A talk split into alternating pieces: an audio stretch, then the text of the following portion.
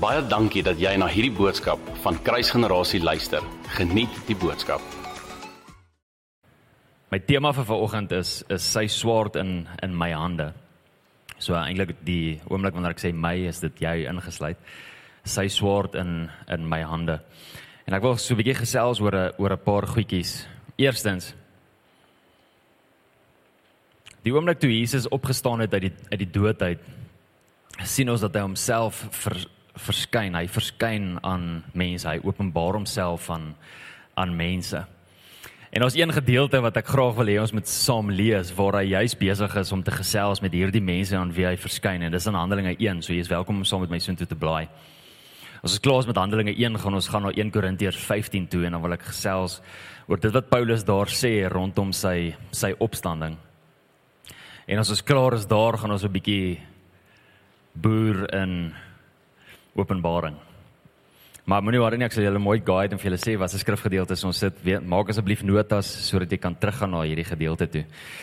Maar in Handelinge 1 lees ons die die volgende. So die skrywer van Handelinge is Lukas en Lukas skryf hierdie gedeelte aan Theophilus. En die oomblik toe hy hierdie skryf, sê hy die eerste verhaal Theophilus het ek het ek opgestel oor alles wat Jesus begin doen en leer het. Met ander woorde, dis nou die brief van Lukas waarvan ons praat, so die evangelie van Lukas waarvan hy hierso praat. En nou is hy besig om die volgende brief te skryf, juis aan Theophilus om vir hom te sê wat gebeur het na sy opstanding. Okay, so Lukas gaan oor alles tot en met sy kruisiging en Handelinge gaan met alles van wat hy opgestaan het tot en met na dit. So julle verstaan nê, nee, die hele twee briewe wat wat Lukas geskryf het. Vers 2 sê tot op die dag dat hy opgeneem is nadat hy aan die apostels wat hy uitverkies het deur die Heilige Gees beveel gegee het. Aan wie hy ook na sy lyde hom lewend vertoon het deur baie kentekens terwyl hy gedurende 40 dae aan hulle verskyn het en oor die dinge van die koninkryk van God gespreek het. Vir 40 dae het Jesus homself geopenbaar aan mense. Ek ervaar regtig my gees en hierdie is wat ek ook bid vir elke een van julle. Is dat in die volgende 40 dae, eintlik meer as 40 dae, tot en met die oploop van Pinkster wat ons gaan vier die 23ste Mei, dat daar vir julle tye sal wees van openbaring. Dat daar vir julle tye sal wees van ontmoeting. Soos wat Jesus homself geopenbaar het aan die disippels en aan meer mense soos wat ons nou gaan lees in 1 Korintiërs. Soos wat Jesus homself geopenbaar het dat Jesus in die volgende 40 dae plus homself aan jou sal kom openbaar op nuwe maniere. Op maniere wat jy nog nie gesien het nie, maniere wat jy nog nie beleef het nie en selfs ook fisies. Ek bid dat julle sal drome droom. Ek bid dat julle gesigte sal sien. Ek bid dat julle visies sal droom. Sal sien. Sorry, nie droom nie. Ek bid dat julle hom sal sal sien vir wie hy is. Vers 4 sê En toe hy nog met hulle saam was, het hy hulle bevel gegee om nie van Jerusalem weg te gaan nie, maar om te wag op die belofte van die Vader wat julle het hy gesê van my gehoor het. So ek wil elkeen van ons familielede herinner aan die volgende dat 2021 het ons ervaar het die Here vir ons gesê is die jaar van beloftes. En ons ervaar dat die Here gesê het dat hierdie jaar die jaar gaan wees wat hy van ons beloftes in vervulling gaan bring en dat dit ook 'n jaar gaan wees waar hy vir ons nuwe beloftes gaan gee. En onthou die oomblik wanneer ons hiervan praat, is ons besig om te gesels korporatief saam met ons as 'n familie. Is daar sekere beloftes wat hy korporatief oor ons gespreek het as 'n familie? Maar hierdie is iets wat ons bid vir elke een van julle ook, dat die woord, die profeseë, die beloftes wat jy aan vashou oor jou lewe, dat jy hierdie jaar sal sien hoe hierdie beloftes in vervulling sal kom en dat daar self nuwe beloftes sal kom. Baie mense ehm um, is vergenoegd met een woord van die Here af terwyl ek sien dat dit God se natuur is om elke dag met ons te praat en dat sy hart is om elke dag vir ons 'n woord te gee. En daarom is ek nooit net gelukkig met een woord nie. Maar wil ek in die oggende tyd spandeer saam met die koning van die konings sodat hy vir my vanoggend 'n woord kan gee. Wie van julle weet dat Jesus vanoggend met my gepraat het? Ek hoop Jesus het vanoggend met jou gepraat terwyl jy tyd spandeer het in jou binnekamer voordat jy kerk toe gekom het. Kan ek vir jou die volgende sê kerk is nie jou binnekamer nie. Die hartseer ding van meeste gelowiges vandag is is dat hulle kerk toe kom om die woord van die Here te hoor en God se stem te hoor. Het jy geweet dat jy God se stem kan hoor in jou binnekamer? Jy het nie nodig om kerk toe te kom vir dit nie. Soos jy dit klink of ek sê moenie kerk toe kom nie. Belief ons toe is so hard om die mense weer terug te kry. So moet my nou nie, moet my nou nie verkeerd verstaan nie. Jesus is 'n ekstrovert. As ek godsdienstige mense as ek dit sê dan is hulle soos, "Ha?" Huh? Jesus is 'n ekstrovert. Hy staan bekend as die woord van God. Het jy al die gedeelte gelees in Genesis waar Adam en Eva gesondig het? Toe gaan kruip hulle weg. Jy al gehoor wat sê die woord daar? Wie het hulle gehoor loop in die tuin? Daar staan in die Bybel dat hulle die stem van God hoor wandel in die tuin. Weet jy dat Jesus in die tuin was? Weet jy dat Jesus 'n ekstrovert is en dat Jesus se hart nie is om stil te bly nie? Jesus wil elke dag praat en met jou praat. En ek hoop jy het oor om te hoor want hy's nou besig om ook te praat. En met dit sê ek nie ek is Jesus nie. Ek sê hy's besig om deur my te praat. En ek hoop regtig dat jy sal hoor en ontvang vir dit wat hy sê, maar vers 4 is my ongelooflik belangrik want ek wil hê julle moet weet dat hier praat hy van en hy het hulle beveel gegee, bevel gegee. Hy het hulle beveel om in Jerusalem te bly. Hy het hulle bevel gegee om te wag. Familie, kan ek vir julle die volgende sê dat die beloftes wat ons het oor ons huis, wat ons die Here voor vertrou om in vervulling te kom, is korporatiewe beloftes wat beteken dat dit julle insluit. So daar's 'n korporatiewe uitnodiging vir ons familie om saam te wag op die beloftes. Wie wil weet dat die oomblik wanneer hierdie beloftes in vervulling kom, dit Middelburg gaan impakteer en dat daar mense in hierdie dorp wat nog nooit van hom gehoor het nie tot bekering gaan kom. Het julle al gehoor besef nou ons is live nou weet ek nie of ek dit wil sê nie. is ons live het die internet gekrash? As ons oh, jene. Dis ek nou ek so gehoor die internet het gekrash, maar ons is nou live. Het jy al gehoor dat die ag ek gaan dit nou maar sê. Die moslems skree hulle goeters oor hulle luidsprekers. Daar gaan 'n dag kom in hierdie dorp wat daar dieselfde moslem die naam van Jesus oor daai luidspreker gaan skree. Dis haar lewing dis herlewing.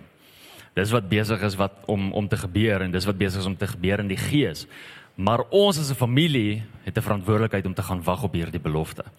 Hoekom dink julle het ons gebedsessies in die week? Want ons wag op hierdie beloftes. OK.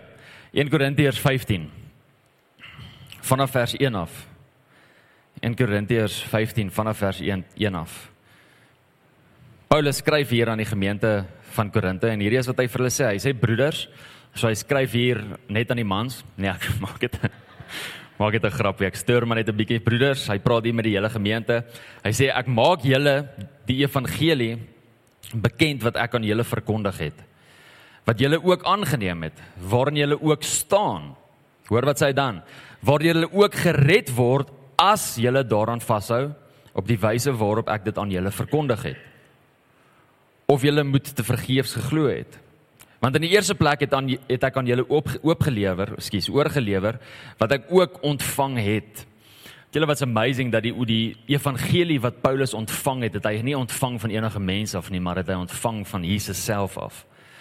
As jy die boek van Galasiërs gaan lees, dan sal jy sien dat Paulus skryf self in daardie boek dat die oomblik toe hy tot tot bekering gekom het. Die oomblik toe hy daai ontmoeting gehad het op die pad van Damaskus, het hy onttrek vir 3 jaar en vir 3 jaar het die Here letterlik aan hom verskyn en vir hom die evangelie kom gee wat hy gepreek het. Amazing. OK. Want in die eerste plek het ek aan julle oorgelewer wat ek ook ontvang het by Jesus self. Dit gee hy vir hulle. Dat Christus vir ons sondes gesterf het, hoor wat sê hy, volgens die skrifte en dat hy begrawe is en dat hy op die 3de dag opgewek is volgens die skrifte. En dat hy aan Sefas dis nou Petrus verskyn het. En daarna aan die 12 en daarna het hy verskyn aan oor die 500 broeders te gelyk waarvan die meeste nou nog lewe maar sommige het ontslaap. Daarna het hy verskyn aan Jakobus en daarna aan al die apostels. En laaste van almal het hy verskyn ook aan my as die ontydig geborene. Julle gesien hier aan hoeveel Jesus, mense het Jesus verskyn? Baie. Die woord sê hier dat hy op een slag by oor die 500 mense verskyn het. It's amazing. Een slag. En dink as ons almal hier bymekaar is en ewe skielik staan Jesus langs my. Hm, mag dit ook so wees. Mag dit ook so wees. Maar die rede hoekom ek wil gehad het ons moet hierdie skrifgedeelte lees is nie eintlik om te gaan kyk aan hoeveel jy mense Jesus verskyn het nie. Ek wonder of julle raak gelees het wat ek gelees het of raak gesien het wat ek gelees het. Kyk, kom ek kom ek lees net geweer. Dat Christus vir ons sondes gesterf het volgens die skrifte en dat hy begrawe is en dat hy op die 3de dag opgewek is volgens die skrifte. Sien julle hier dat Paulus kom en hy preek vir hierdie gemeente en die oomblik wanneer hy aan, aan hulle boodskap bring dan gee hy vir hulle volgens die skrif bewys aan die feit dat Christus moes sterf aan die kruis en bewys uit die skrif uit dat Christus ook moes opstaan. How amazing is dit om te preek en te sê uh, voor Nuwe Testament. Okay, luister, skrifte, die skrifte waarna hy hier verwys, is nie Nuwe Testament boeke wat ons vandag ken nie. Praat hier van die Ou Testament, met ander woorde van Genesis af reg deur tot en met Maleagi. Paulus kom, hy gebruik hierdie geskrifte en uit die Ou Testament uit bewys hy die feit dat Jesus opgestaan het. Jy moet die woord ken om te kan bewys dat Jesus opgestaan het uit die Ou Testament uit. En dis wat Paulus hier doen. En na dit kom Paulus en dan vertel hy sy eie verhaal en dan sê hy maar Jesus het homself aan my ook verskyn. So kan ek vir 'n dag vir jou sê gelowige dis belangrik dat jy uit die skrif uit kan staaf dat Jesus opgestaan het uit die dood uit. Maar dit is belangrik dat jy uit getuienis uit ook kan staaf dat Jesus opgestaan het uit die dood uit. En ek hoop met my hele hart dat jy so getuienis het of meer getuienisse het dat jy kan staaf uit getuienis uit dat Christus opgewek het, opge, opgestaan is uit die dood uit. Jy weet Paulus gaan aan in hierdie brief, ek gaan dit nie nou vir, vir ons lees nie, maar hy sê in die brief sê hy as Christus nie opgestaan het nie, dan is alles te vergeefs. Hy sê dan kan ons net sowel drink en eet want daar's nie hoop vir ons nie. Met ander woorde, hy sê letterlik ons kom maar dop en chop want daar's nie hoop vir ons nie. Dis wat hy sê volgens vandag se terme. Ons kan maar gaan kuier. Ons kan maar gaan suip en ons kan maar gaan eet want daar's nie hoop vir ons as Christus nie opgestaan het nie. As jy mes dit wat hy sê in vandag se terme moet sê. Dis wat hy vir hulle sê, ons kan maar gaan drink en ons kan maar gaan eet. Maar die feit dat Christus opgestaan het, maak dat ons nie so optree nie en dat ons nie daai goed as belangrik sien nie, maar dat daar ander goeders is in ons lewens wat belangrik is.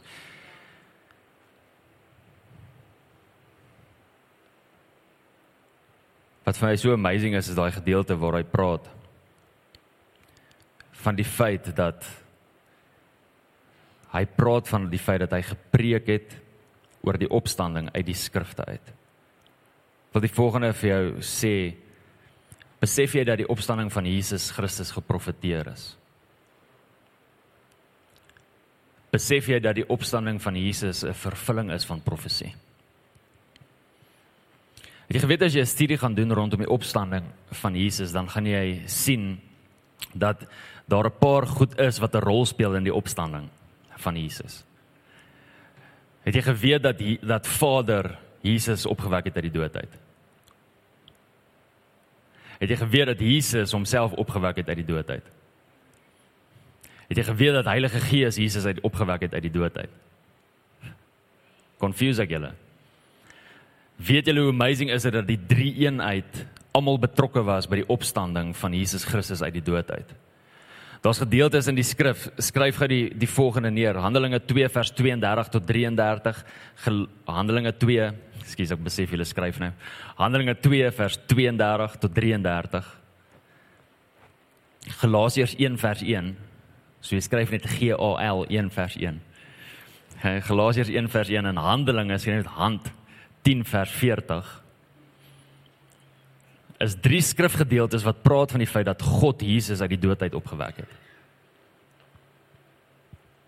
Volgende skrifgedeelte is Johannes 2 vers 18 tot 19.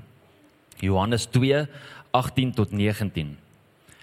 1 Petrus 3 vers 18. 1 Petrus 3 vers 18. 'n Skrifte wat praat van die feit dat Ekskuus, ek het dit nou omgedraai. 1 Petrus 3 vers 18 is by die volgende gedeelte. Jammer, jammer, jammer. Johannes 2 vers 18 en 19 en Johannes 10 vers 18 is twee skrifgedeeltes wat praat van die feit dat Jesus homself uit die dood uit opgewek het. En dan Romeine 8 vers 11 en 1 Petrus 3 vers 18. 'n Skrifgedeelte is wat praat van die feit dat Jesus, ag Heilige Gees Jesus uit die dood uit opgewek het. So in die woord sien ons hierdie amazing ding dat Vader Jesus uit die dood uit opgewek het. Dat Jesus homself uit die dood uit opgewek het. Dat Heilige Gees gekom het en Jesus uit die dood uit opgewek het. As 'n mens kyk na hierdie drie gedeeltes, dan vra mens myself die vraag af: Wat het hierdie drie almal in gemeen gehad?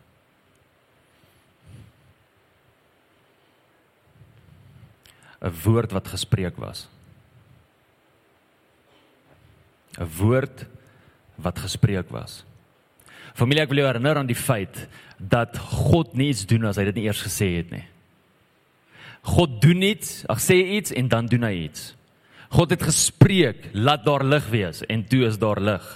God het gepraat en toe dit gebeur. God is nou nog besig om eers te praat en dan gebeur daar dinge. Daar's 'n skrifgedeelte wat sê dat hy niks doen as hy nie dit aan sy profete geopenbaar het nie. God spreek eers en dan gebeur dit.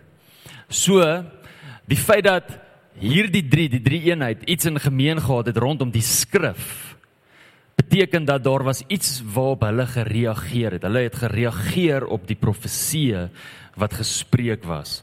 En as gevolg daarvan was dit hulle die reg gehad om vervulling te bring op die opstanding van Jesus Christus. Nou dink gou aan die volgende. Ek het hierdie laas jaar gesê oor ons livestreaming toe ons oor oor goeie Vrydag was. Dink gou aan die volgende dat die hele mag van die duisternis. Met ander woorde elke volheid van duisternis. Elke triek wat die duiwel kon trek. Elke krag, elke ding wat die duiwel kon gee was teen Jesus Christus gewees met die opstanding. Alles. Maar die feit dat daar 'n woord was en die feit dat die drie eenheid betrokke was, het dit beteken dat selfs nie eers die volheid van die duisternis kon keer vir hierdie woord om in vervulling te kom nie.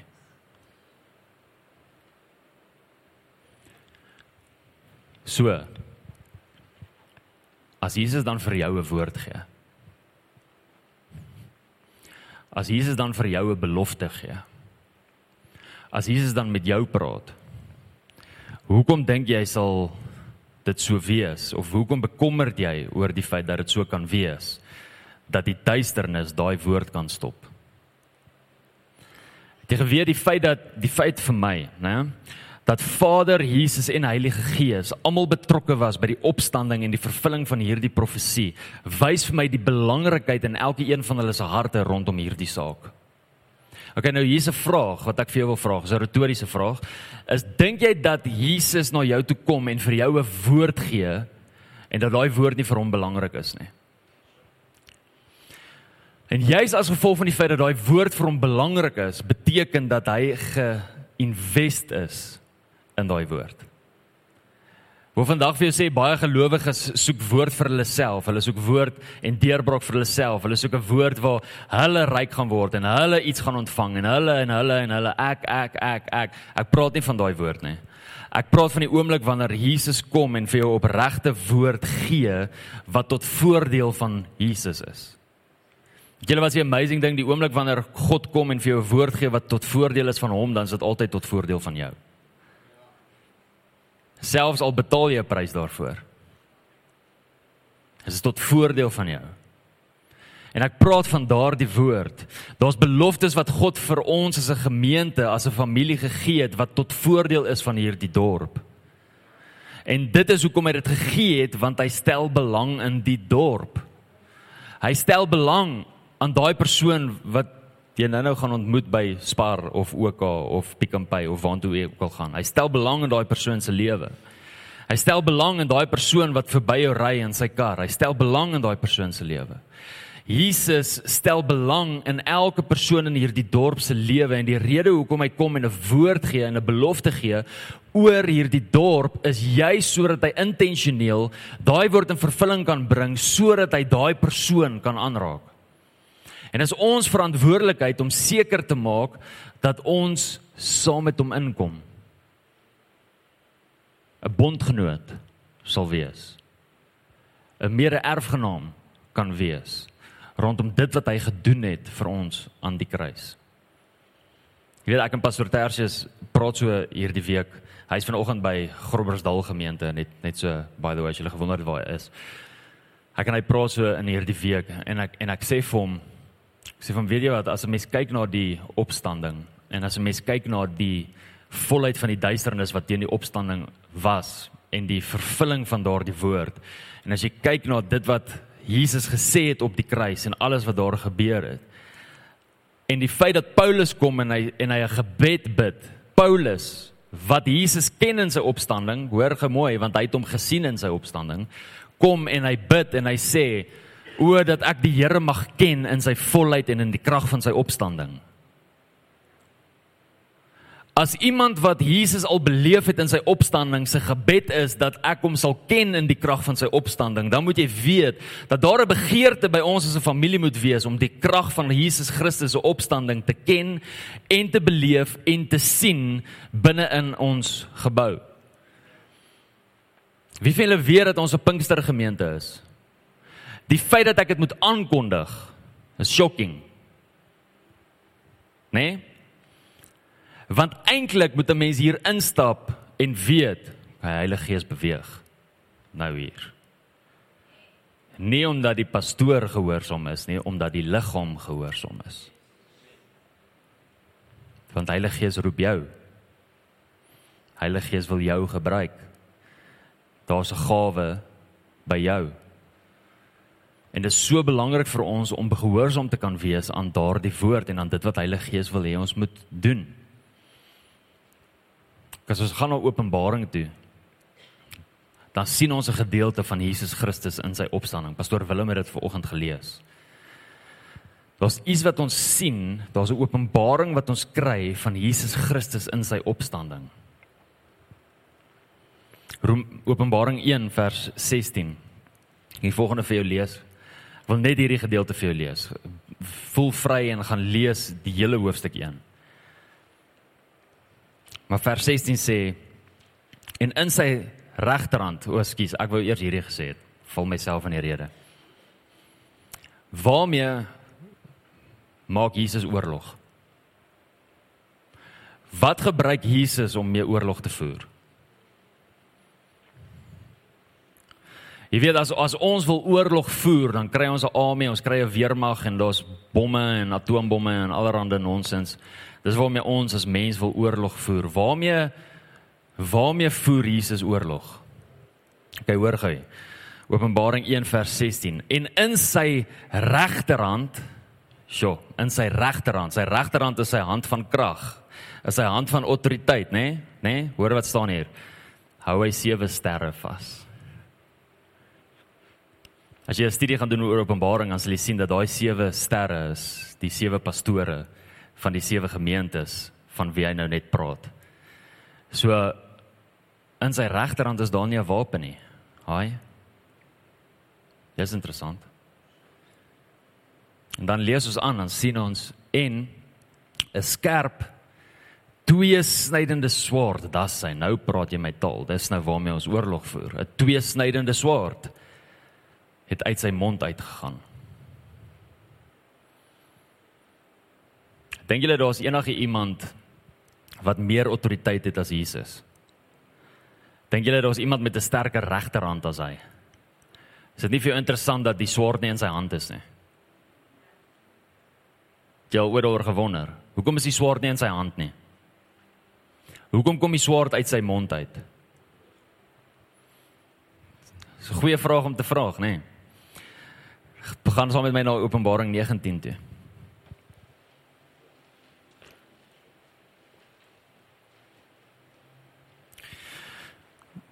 Openbaring 19 vers 15. Ek wil vir ons lees uit die New King James vertaling uit. Revelation 19 verse 15. Now out of his mouth goes a sharp sword. Uit sy mond uit 'n skerp swaard, hoor jy? That with it he should strike the nations. Sure. So hy stryk nie, hy slaan nie die nasies met 'n swaard in sy hand nie. Hy slaan die nasies met 'n swaard wat uit sy mond uitkom. Weet jy dat Jesus die nasies gaan slaan deur 'n woord te spreek?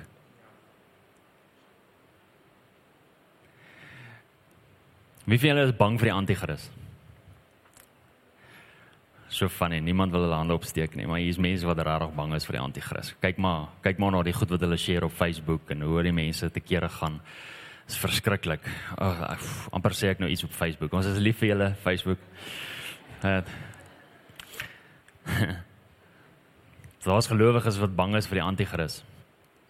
Weet jy dat die die woord van die Here as jy dit gaan sien en as jy 'n studie gaan maak op die van die anti-kris ook dan sal jy sien dat daar nog geen mens, praat van 'n normale mens op hierdie aarde gewoon het of gewandel het wat soveel krag en mag gaan hê soos wat die anti-kris gaan hê nie. Tog kom Jesus terug en hy verslaan hom deur op hom asem te haal. Waaruit kom sy asem? Uit sy mond uit. Jy gesien dit is nie in sy hand nie. Interessant. Kom ek lees vir ons aan. And he himself will rule them with a rod of iron. He himself treads the winepress of the fierceness and wrath of Almighty God. Wie wie wie hou van die wapenrusting in Efesiërs? Net ken julle die wapenrusting? Trek julle elke oggend die wapenrusting aan?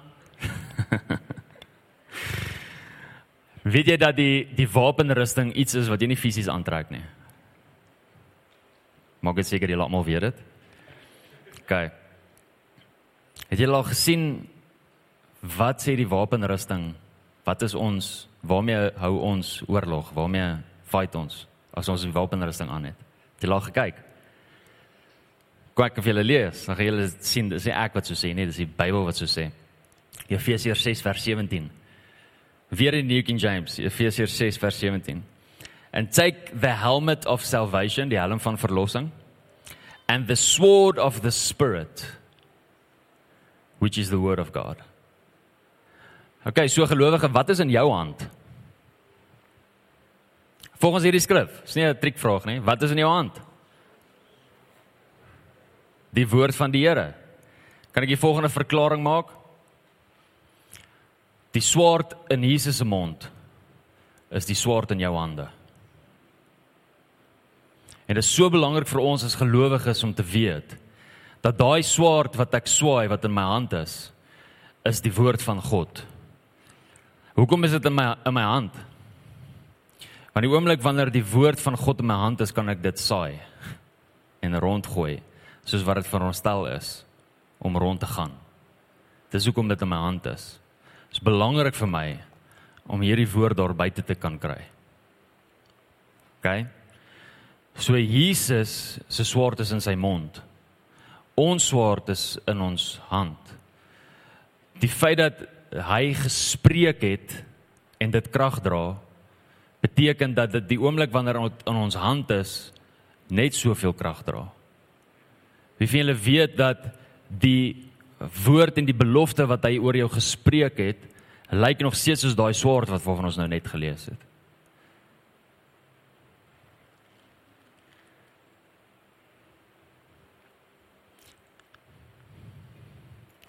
Dink julle dat hy nie ernstig is oor jou nie?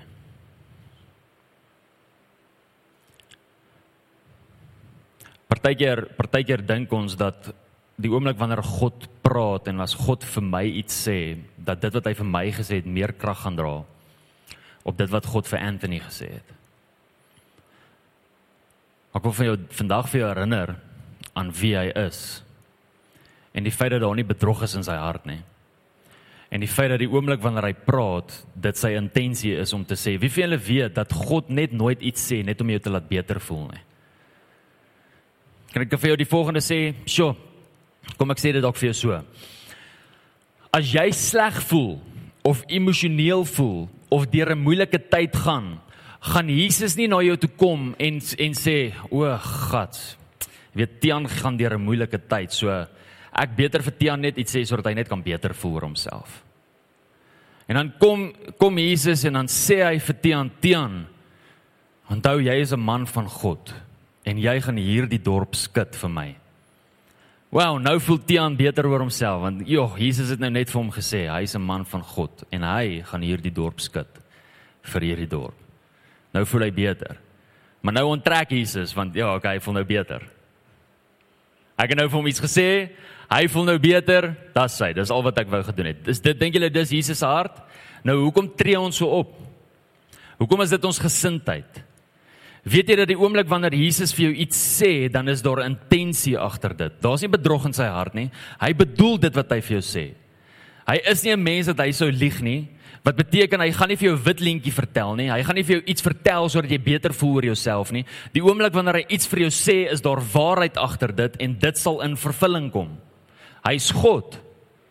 So die oomblik wanneer hy vir jou 'n woord gegee het, die oomblik wanneer hy 'n woord oor jou gespreek het, beteken dit dat daardie woord in vervulling gaan kom. Dis 'n swaard in jou hand. Maar die probleem is is ons ontvang 'n woord, ons ontvang hierdie swaard en dan gaan sit ons dit daar op die rak. Want wow, joh, dit was nou 'n mooi gedagte. Ag ek is so bly net om te weet Jesus dink nog aan my terwyl ek deur hierdie tyd gaan. Dankie Here. En dan sit ek daai swaard net daar op die rak.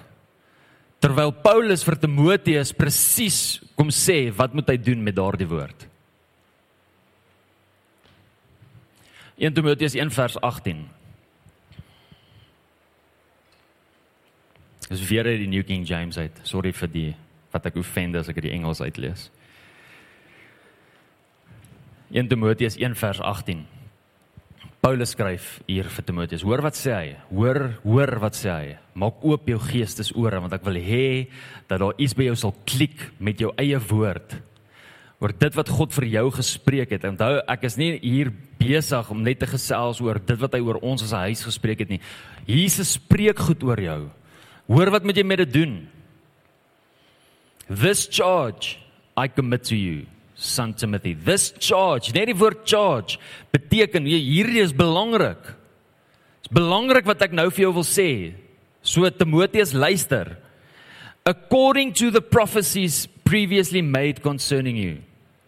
Die woord wat jy ontvang het, die profetiese woord wat jy ontvang het, die die belofte wat jy ontvang het, dit wat God self vir jou gesê het, according to that daai okay that by them you may wage the good warfare. You may wage the good warfare. Kind van die Here jy's veronderstel om met die woord wat in jou hand is wat uit sy mond uitgekom het oorlog te voer in die gees nie fisies nie. In die gees. Warfare. Wage the good warfare. Daar's vervulling wat hy wil bring oor jou beloftes. Daar's goed wat hy wil laat gebeur deur en in jou lewe. Dis tyd dat jy op 'n plek sal wees waar jy kan staan op dit wat hy vir jou gesê het. Hou op om dit net op die rak te sit. Hou op om te dink dis net 'n feel good moment gewees. Hou op om te dink hy het jou net laat beter voel of hy het net vir jou wit leentjie vertel. Ons praat hier van die koning van die konings. Hy speel nie rond nie. Daar's 'n rede hoekom hy sekere goed vir jou sê. Daar's intensie agter dit en ek wens jy kan dit besef vanoggend.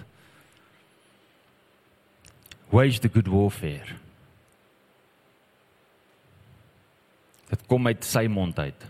Dis 'n tweesnydende swaard. Daai tweesnydende swaard word deur jou opgetel en jy moet dit kies. Weet jy dat jy kies om 'n swaard op te tel of nie? Jy moet dit kies en jy gaan kies of jy daarmee gaan oorlog voer of nie. En ons praat van in die gees. Kan ek jou Het jy al gesien waarmee hoe beklei mense? Het jy het jy al gesien hoe beklei mense? As julle almal op Facebook is, dan sal julle weet hoe beklei mense deur hulle woorde, nê? Nee? Dis lief vir julle Facebook. Hè? Maar deur hulle woorde. Kyk, die mense sal uh, my grootste opinie is, nê? Nee? Facebook is 'n plek vir lafaards. Rarig my grootste opinie en dis nou niks teen die mense wat kyk nie. Ek praat van hoe die mense komment en die goed wat die mense sê en die goed wat die mense post. Dis 'n plek vir lafaards want hulle sal daar jou aanvat oor iets en en sal met jou gesels oor goed of selfs komment op van jou goeders maar hulle sal dit nooit face to face met jou doen nie. Nooit. Nooit. Ag en jy kan dit toets ook. As iemand iets het en iets vir jou sê stuur vir hulle ag kom drink saam met my koffie. Kyk of hulle saam met jou kom koffie drink. Dis 'n place vir lafaards. Dis wat dit is. en luister mooi kinders van die Here is nie lafaards nie Jesus sê vir ons as ons iets het teen ons broer, dan gaan ons na ons broer toe en dan sorteer ons dit uit. Wow, het hy gesê, het hy het hy gesê, ag die van julle wat van konflik hou, gaan na jou broer toe en sorteer dit uit. Die van julle wat nie van konflik hou nie, moenie worry nie. Ek gaan dit vir jou uitsorteer. Kom hier op by my. Is okay. Sien wat hy gesê het nie. Hy sê vir ons almal, gaan na jou broer toe as jy iets teen hom het en gaan sorteer dit uit. Selfs al hou jy nie van konflik nie. Wat jy al gesien hoe beklei mense deur hulle monde. As jy nie gelukkig is oor ons land nie, hoe beklei jy? Ag jy sal sommer gou vinnig iets post op die presidentsie page of op die observer of sommer net enige plek sal jy sommer jy sal sommer net jou mond spoel want dis nou hoe jy nou beklei. Jy laat weet nou die hele wêreld wat in elk geval nie omgee wat jy dink nie dat jy nie nou verhou van die situasie nie en dat jy nou iets gaan doen daaraan blykbaar omdat jy nou iets gesê het op Facebook. Maar dan dink jy jy, jy het nou iets gesê en dan is dit nou verby. En die hele wêreld het geluister na dit wat jy gesê het, hoor. Ek wil net vir jou sê, jou jou komment het gemaak dat die hele wêreld gaan verander en die dorp gaan nou 'n beter dorp wees. Rar, well done. Well done. Ek is sarkasties, maar dis rarig hoe wat mense dink, hoor. Dis rarig hoe die mense optree. OK? Maar mense beklei met hulle woorde. Hoekom is dit so dink jy? Vir vandag vir jou sê ons ons doen dit in die vlees, né? Nee? Volgens vlees is ons baie goed om te beklei met ons woorde. As ek as ek as ek my vriend beklei, wat doen ons? Woorde. As ek my man of my vrou, ek en my man, ek en my vrou of jy en jou man, né? Nee? As ek my vrou beklei, hoe beklei ons? Met woorde. Glo my ek slaan haar nie, sy slaan harder as ek. Ons beklei met ons woorde. Dit is belangrik om dit te weet. Luister, hoe beklei ons? Met ons woorde. As jy by die munisipaliteit instap en iemand is daar volgens jou onregverdig, hoe beklei jy? Slat jy hom met 'n face? Nee, jy sê vir hom presies wat wel, as jy nie bang is nie. Sê vir hom presies wat jy nou gedink het van hierdie situasie. Net jy beklei met jou woorde. Jy het jou kar ingevat vir gevat vir 'n diens. Hulle moes die Dis nou ken ek nie karparte nie want ek's so pastoor. Hulle hulle moes die spaakplaks verander het en toe sit hulle ander plaks in. Nou gaan jy terug want jy's hoogs ongelukkig en nou trap jy vir daai bestuurder uit omdat hy nie spaakplaks ingesit het nie, maar badplaks ingesit het. Nou is dit ongelooflik. Hoe beklei jy met jou woorde? Kan ek vir jou sê vleeslik? Beklei ons met ons woorde, maar het jy geweet jy is gemaak om te beklei met jou woorde? As ons net kan leer om op te hou om in die vlees op te tree en volgens die vlees te beklei en in die gees begin optree en volgens die gees begin beklei. Gaan doen 'n bietjie studie oor Romeine 8 toe. Ek vra jou ek vra jou groot guns, gaan doen 'n bietjie studie oor Romeine 8 en gaan kyk bietjie wat sê Paulus in Romeine 8 van die verskil tussen om in die vlees op te tree en die verskil tussen om in die gees op te tree. Maar dit is tyd dat die kinders van die Here ophou om in die vlees klomp nonsens kwyt te raak en in die gees sekere goeders begin sê. En in plaas van om ons mond te spoel volgens wat ek in my vleeslik ervaar het, om ons mond te gebruik volgens dit wat ek in my gees ervaar. Dis tyd dat ons sê wat die Here sê. Dis tyd dat ons spreek wat God gespreek het. Dis tyd dat daai swaard wat in Jesus se mond is in ons hande kom sodat ons daarmee kan oorlog voer in die gees sodat dit wat hy gesê het moet gebeur sal begin gebeur. Dat sy beloftes oor hierdie dorp in vervulling sal begin kom. Dat sy beloftes oor hierdie huis in vervulling sal begin kom. Dat die beloftes oor jou lewe en die woord oor jou lewe in vervulling sal begin kom omdat jy begin spreek wat in sy mond was. Nie volgens hoe jy in jou vlees optree nie. Dit is belangrik. En ek hoop dat jy dit besef vanoggend. Die drie eenheid was betrokke gewees met by 'n woord wat gespreek was dat Jesus gaan opstaan uit die dood uit. Hulle al drie was betrokke. Sou jy anders voel oor jou belofte? As jy geweet het dat al drie Vader, Seun, Heilige Gees betrokke is oor daai woord en daai belofte wat hy oor jou gespreek het. Sal jy anders voel? Sal jy daai woord anders hanteer? Sal jy anders dink oor daardie belofte as jy weet dat daai woord wat hy vir jou gespreek het, die heeltyd in sy gedagtes is? Sal jy anders voel daaroor? Sal jy anders voel as jy weet dat die woord wat hy vir jou oor jou gespreek het, dat dit iets is wat hom opgewonde maak? Sal jy anders voel? Sal jy anders voel as jy weet dat die woord wat hy oor jou gespreek is, iets is wat hy letterlik nie kan wag om in vervulling, vervulling te bring nie. Sal jy anders voel oor daai belofte? En dan wil ek vanoggend vir jou sê, jy moet begin anders voel want dis presies wat in sy hart aangaan rondom dit. Want daai woord wat jy het, wat hy oor jou gespreek het, is newsflash groter as jy. Belangriker as jy jy dink, "O, oh, ja, jy weet as dit in vervulling kom man, oef, ek gaan die bekendste pastoor wees in hierdie dorp, jy weet, as daar herlewing hier uitbreek, is ek die bekendste pastoor." Newsflash, dis groter as jy. Gaan nie oor hoe oulik jy is nie, want glo my, jy is nie so oulik nie. Julle moes gister saam met my golf gespeel het en dan sou julle gesien het ek is nie so oulik nie. Word ook kwaad. Nee, ek doen nie. Ek jy moenie vir die mense sê nie. Ek word nie kwaad. My liefie, sal jy vir my speel asseblief? Julle wat het COVID COVID het baie meer kom steel as wat ons dink.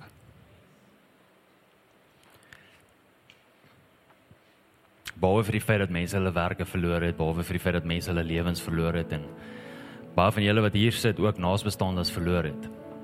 COVID het meer kom steel as dit. COVID het vrymoedigheid kom steel. COVID het sosiale interaksie kom steel. COVID het kom steel dat God se woord spoedig in vervul, vervulling kom want ons het as gevolg van COVID het ons begin ophou vertrou vir sekere goeders. Kom ek gee 'n voorbeeld want dalk verstaan jy nie wat ek bedoel nie. Gemid die geleentheid om vir jou te verduidelik. As God gesê het lê jou hande op die siekes sodat hulle gesond kan word, dan is dit iets wat in sy hart is. Weet julle, weet julle dat dit dan vir hom belangrik is. Markus 16, Jakobus 5, gaan lees dit. Jou hande op die siekes sal lê dat hulle gesond sal word. COVID het gemaak dat ons dit nie kon doen nie. Van laas jaar einde Maart af. Wel tot grootendeels tot te met nou toe. Was ons te bang want daar was regulasies en daar was reëls en ons mag nie eers na iemand toe loop en vir iemand bid nie. Ons mag nie eers gaan en ons hande op iemand lê nie want as gevolg van COVID. COVID het kom steel by die woord van die Here. COVID het kom steel by dit wat in sy hart is. Ek is op 'n plek waar ek so moeg is dat hierdie ding steel by dit wat in God se hart is.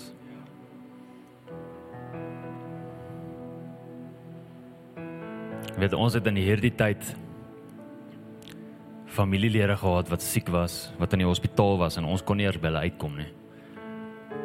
Ons het in hierdie tyd familielede gehad wat siek was vir wie ons nie eers kon bid nie. Ek is nie okay daarmee nie. En hoor my My geloof is van so 'n aard dat ek in my huis kan bid vir iemand wat in 'n ander huis is en dat hulle gesond kan word. Ek het daardie geloof. Maar wie veel weet is so meer persoonlik die oomblik wanneer ek by perso daai persoon is en in daai persoon se oë kan kyk en saam met daardie persoon kan stoei deur dit waardeur daai persoon gaan op daai oomblik. Soveel meer persoonlik en dit is wat kerk is. Dis wat die liggaam van Christus is. En ek vertrou Vader dat ons dit kan herstel. Rarig. Vertrou Vader rarig vir dit. Baie dankie dat jy na hierdie podcast geluister het. Indien jy die boodskap geniet het, deel hom asseblief met jou vriende.